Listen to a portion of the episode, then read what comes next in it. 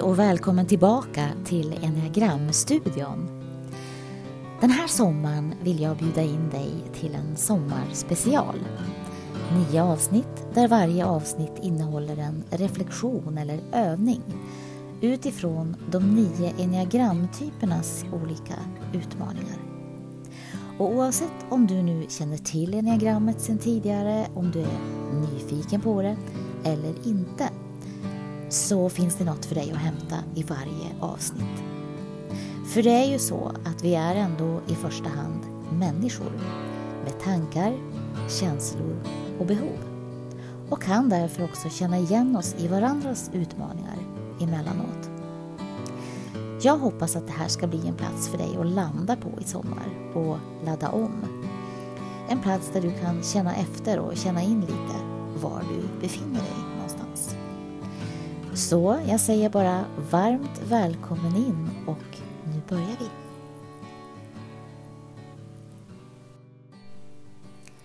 Hej igen fina vänner. Idag ska vi prata om trean i enneagrammet, presteraren. Och först av allt så vill jag bara säga att här inne behöver du inte prestera någonting. Så sätt dig bara så skönt du kan.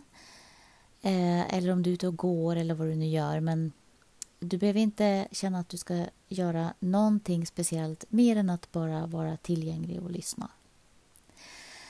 Eh, när man pratar om presteraren så tänker jag att jag, jag, tror inte det finns någon som inte känner igen något uns av presterarens eh, dilemma.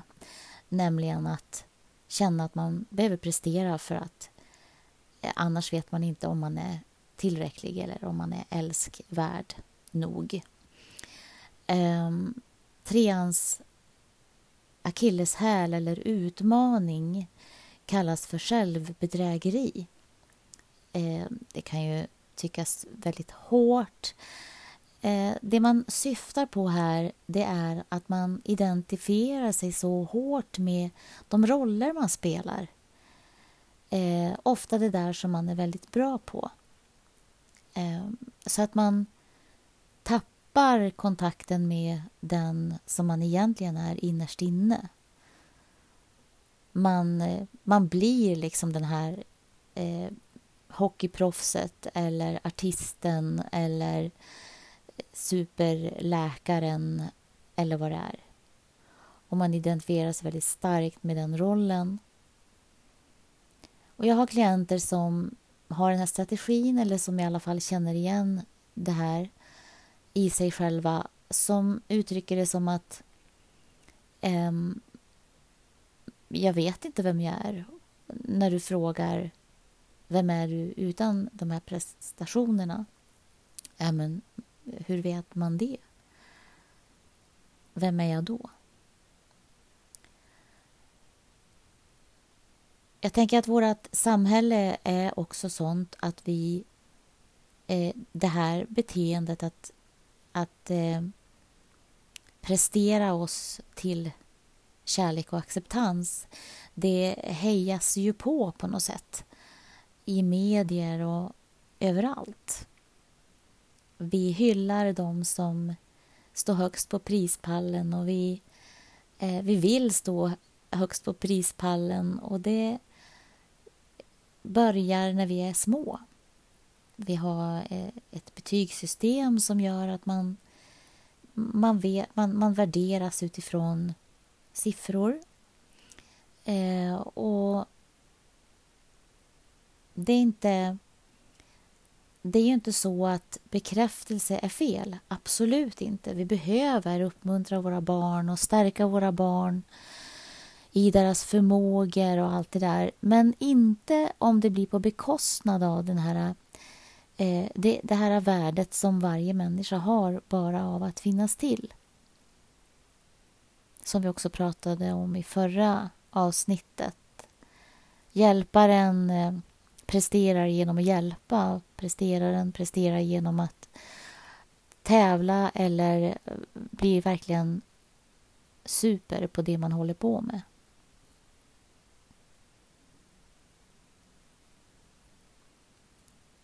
Det som också kan hända då i den här i det här självbedrägeriet det är ju att man, man är så fokuserad på sina mål eh, så att andra saker i livet som också är viktiga även för en presterare eh, liksom faller bort i prioriteringen.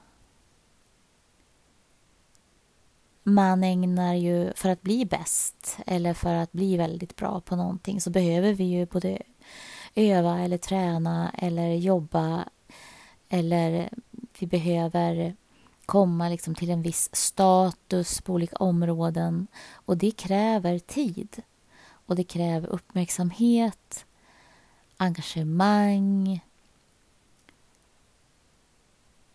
Och om vi då inte är uppmärksamma på hur mycket tid och engagemang det här tar ifrån oss eller vi ger till det här så kanske våra relationer tar stryk eller andra områden som, som, som vi som sagt också tycker är viktiga när vi sitter ner och tänker efter. Här tror jag att vi alla är hjälpta av att sätta oss ner och ta en riktig funderare. Kanske till och med ta fram något papper och bara skriva ner allt som vi tycker är viktigt för oss i livet. Och sen beta ner det här till kanske tio saker och sen beta ner dem till kanske fem saker och sen beta ner dem till tre saker. Och sen hitta vad är det absolut viktigaste för mig. Och när du ser vad som är viktigast för dig då kan du också försöka se hur mycket tid ägnar jag åt det här som jag säger är viktigast för mig i jämförelse med det projektet eller målet som jag för närvarande jobbar emot eller mot. Så mm, om du håller på inom sport till exempel och hur mycket du tränar, hur mycket tid du ägnar åt det, hur mycket av din fritid går åt till det. Och så jämför du det med hur mycket tid du eh, ägnar åt familjen eller åt bara att ta hand om dig själv på andra sätt än just genom träningen. Då.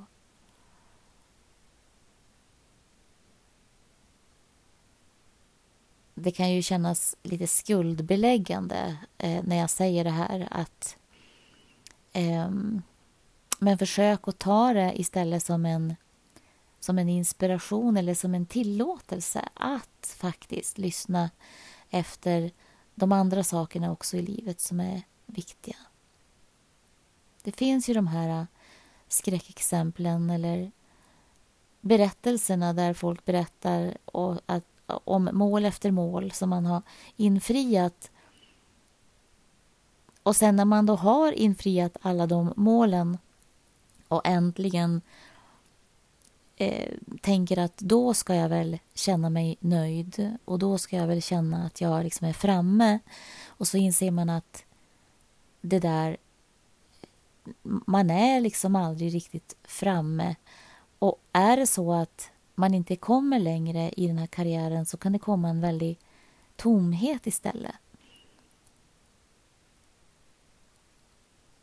Det finns också de här exemplen där man tänker att jag ska ta mig tid för det där andra, alltså mig själv, mitt inre eller mina relationer sen, när jag är klar, när jag har checkat av det här målet. Men risken finns att när jag då väl har gjort det och tycker mig ha tiden då kanske inte de där vännerna eller relationerna finns kvar.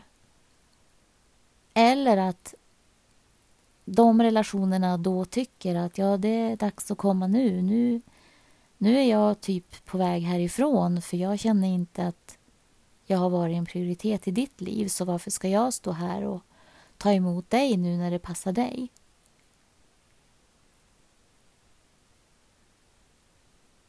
Som sagt, för alla behöver inte gå så här långt.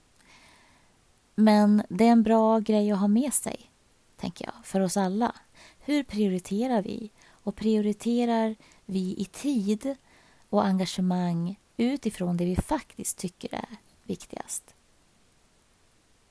Eller har vi blivit lite förblindade där? Förblindade av det här äh, tillbaka då till det här ordet självbedrägeriet.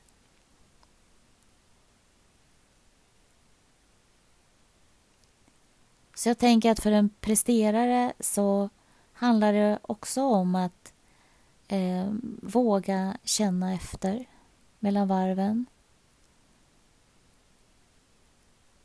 Absolut inte sluta infria mål eller checka av listor. Men hitta den där balansen. Balansen med livskvaliteten. Kan jag alla också luras lite av det där att det kommer att bli så fantastiskt bara jag når dit. Då kommer jag känna mig nöjd med mig själv. Men jag kommer inte kunna vara nöjd med mig själv förrän jag har checkat den där boxen.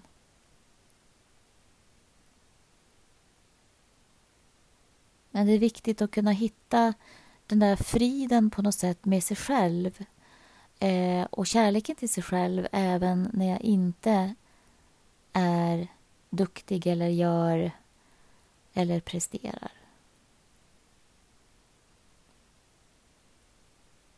Många treor eh,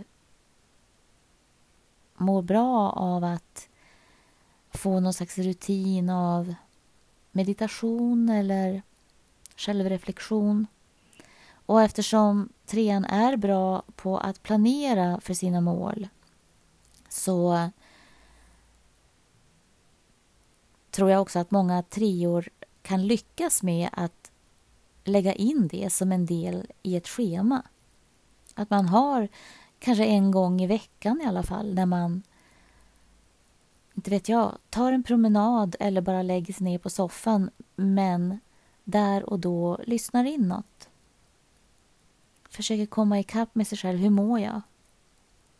Hur känns det och vart känns det? Och är det några behov som jag springer ifrån? I jakten på mina mål. Lever man i en relation att man också ger tid för den andras behov. Ehm, man, eh, ju mera tydliga mål man har och ju mer engagemang man lägger för att komma dit så kan man ju också bli lite lätt egocentrerad. Att man inte... Man glömmer bort att se andras behov. Vad behöver min partner? Har jag sett mina barn idag? Ehm, har jag någorlunda koll på, på hur mina vänner mår och hur de har det? Och hinner jag med dem i den här jakten mot målet?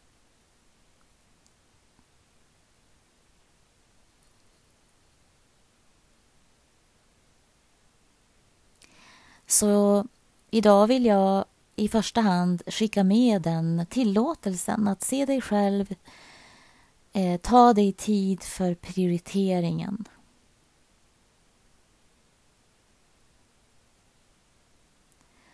Och påminn dig själv om att du har ett rikt inre som också kan och vill blomma ut. Och du är så mycket mer än bara de här rollerna som du gör väldigt bra. Men också den här inre, låt också den här inre personen få lysa fram. Som den du är när du inte gör alla de här sakerna. Och när du bara är dig själv och helt prestigelös.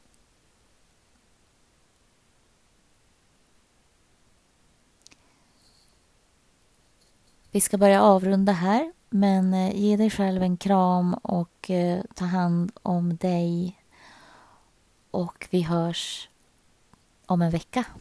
Sol på dig.